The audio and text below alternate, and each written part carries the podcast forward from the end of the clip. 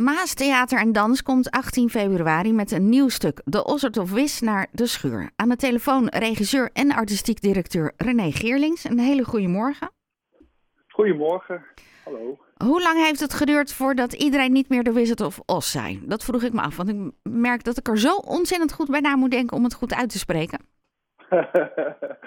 ja, nou het gekke is dat mensen op een gegeven moment niet, eigenlijk niet meer weten wat het origineel dan was. Na een tijdje denk ik, was het nou de Oz of Wiz of The Wiz of Oz? Dus uh, het, zorgt voor verwarring, maar dat is ook de bedoeling. Ja, nou dat kan me van alles uh, bij voorstellen. Waarom deze naam gekozen bij dit stuk? Uh, dat gaat eigenlijk om, omdat ik een soort perspectiefwisseling wil doen met deze voorstelling. Dus zeg maar alles wat normaal is, wil ik omdraaien. Zeg maar alles wat zeg maar uh, ja, gezien wordt als, als leidend, uh, wordt omgekeerd. Dus zeg maar de, de mensen uit de marge, die zijn nu de baas. En hoe, hoe uitzicht dat in het verhaal? nou, ik heb deze voorstelling gemaakt met een all-queer cast en crew. en en dus zeg maar het, het, het opgroeien van kinderen die queer zijn, daar gaat het verhaal eigenlijk over.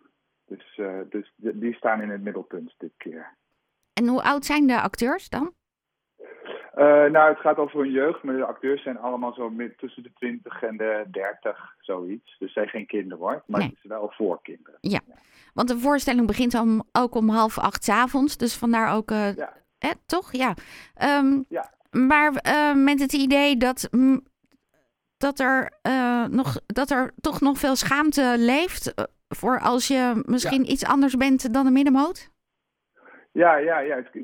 daar gaat het eigenlijk over. Het gaat echt over dat we eigenlijk met z'n allen in het repetitieproces en deze voorstelling op zoek gaan naar de tijd voor de schaamte. Dus uh, zeg maar, als je zo'n jaar of acht bent. Nou, eh, eigenlijk is het hele idee ontstaan van dat The Wiz, zeg maar, de film met Michael Jackson en Diana Ross, was een film die ik vroeger als kind heel veel keek. En die deed ik dan op mijn kamer helemaal na met een cassettebandje. En dan deed ik bijvoorbeeld een deken omknopen met een ochtendjas eromheen. En dan rende ik zo door de kamer. En dan was ik Diana Ross en iedereen speelde ik dan. Tot het moment dat mijn vader de kamer binnen deed. En eigenlijk met hem zeg maar alle mogelijke vooroordelen van de hele wereld binnenkwamen.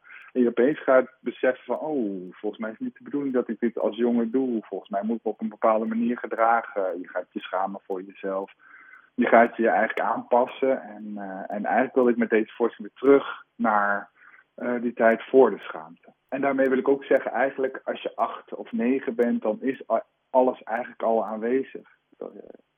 Terwijl, ja, vaak, vaak denk je als je naar school moet, ook moet beter worden, ik moet slimmer worden. Maar in potentie is in een kind eigenlijk alles al aanwezig. Zeker, daar ben ik het helemaal mee eens. Wat doet het voor jezelf tijdens het maken van dit stuk? Uh, het was heel helend eigenlijk om dit te doen met mensen die op dezelfde manier zijn opgegroeid als ik. Ik ken geen queer person die niet te maken heeft gehad met fysiek of verbaal geweld. Dus daar hebben, het is ook fijn om, dat uh, te herkennen uh, bij elkaar. En ook dat je, ja, ik merk toch dat ik me toch best wel veel als vanzelfsprekend aanpas aan mijn omgeving, omdat ik mensen niet ongemakkelijk wil laten voelen. en nu hoefde dat niet, omdat, ja, we eigenlijk allemaal op een bepaalde manier hetzelfde waren. Dus het was in het, in het proces heel helend en um, heel fijn eigenlijk. En dat, en dat zul je ook aan de voorstelling merken. Het is een hele hechte groep geworden die uh, echt uh, voor elkaar door het vuur gaat. Dus, uh, en wat doe je dan nu anders in het dagelijks leven wat je voor de voorstelling nog niet deed?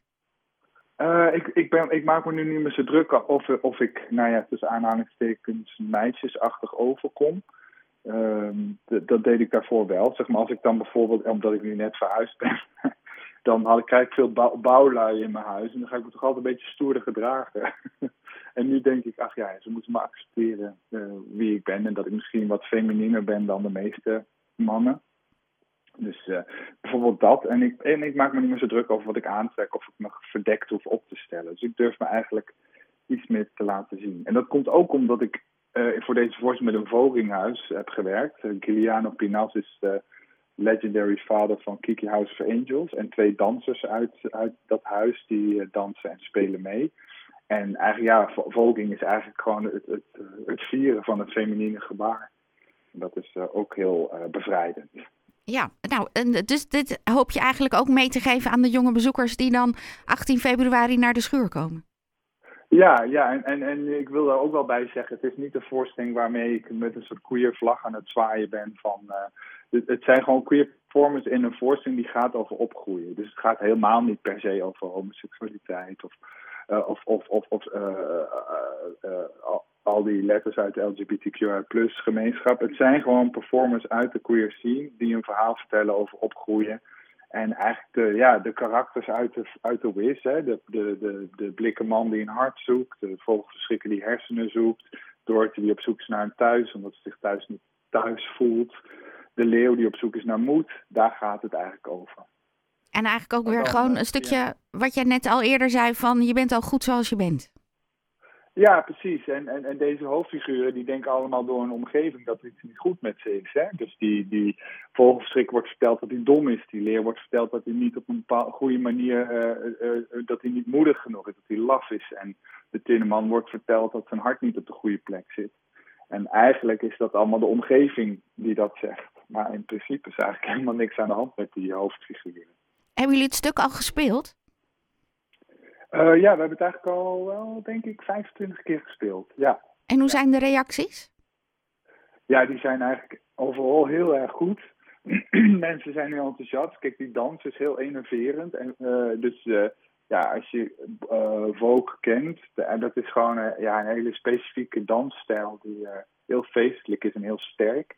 En mensen zijn, komen vaak ook ontroerd de voorstellingen uit. Dus het is uh, met een lach en een traan, wou ik zeggen. Ja, dus mensen zijn wel geraakt door de voorstelling, oh, door de zoektocht. En ja, er zit ook mooi popmuziek in van Reinier, uh, Rein, Reindier, popmuzikant. En ja, daar, daar houdt niemand het bij droog, bij die liedjes. En als ik zeg uh, Madonna en Vogue, vind je dat dan een belediging? Of uh, is dat een goede manier om te laten zien wat het, de dans inhoudt? Ja, nou daar zit wel iets pijnlijks aan. Madonna natuurlijk. Het is een, een dansstijl die is ontstaan vanuit een noodzaak, vanuit de queer uh, gemeenschap uh, en trans gemeenschap uit New York. En ja, Madonna heeft die dans gezien en heeft daar flink mee gecashed. En daar heeft de, de, de community, de folk community zelf niet zo heel veel voor teruggekregen. Dus zeg maar, daar moet je niet te veel over praten binnen de folk community.